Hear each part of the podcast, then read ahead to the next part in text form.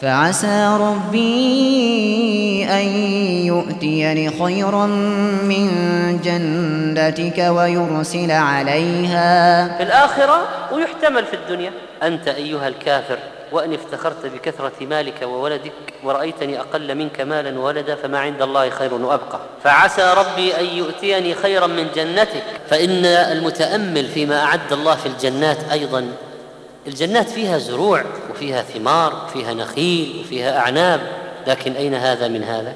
فالإنسان إذا رأى ما يعجبه من نعيم الدنيا ماذا يشرع له أن يقول؟ اللهم لا عيش إلا عيش الآخرة.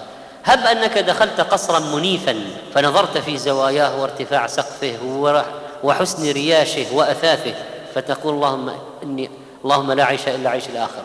وإذا دخلت مزرعة عظيمة وبستانا كبيرا وأشجارا وارفة وثمارا ونخيلا وعنبا وزيتونا ورمانا ومن كل الثمرات. تقول اللهم لا عيش إلا عيش الآخرة وتتذكر ماذا أعد الله في الجنان. ابن عمر كان يريد أن يرد على شخص قام على المنبر قال من الذي يعتقد أنه أحق منا بهذا يعني الملك فليطلع لنا قرنه حتى نريه كيف نفعل به. فأهم ابن عمر أن يرد عليه قال فذكرت ما أعد الله في الجنان. إذا إذا ذكر الإنسان ما أعد الله في الجنان فعند ذلك يتخلى عن أشياء كثيرة مما يمكن أن يحصل في نفسه من الزهو أو التفاخر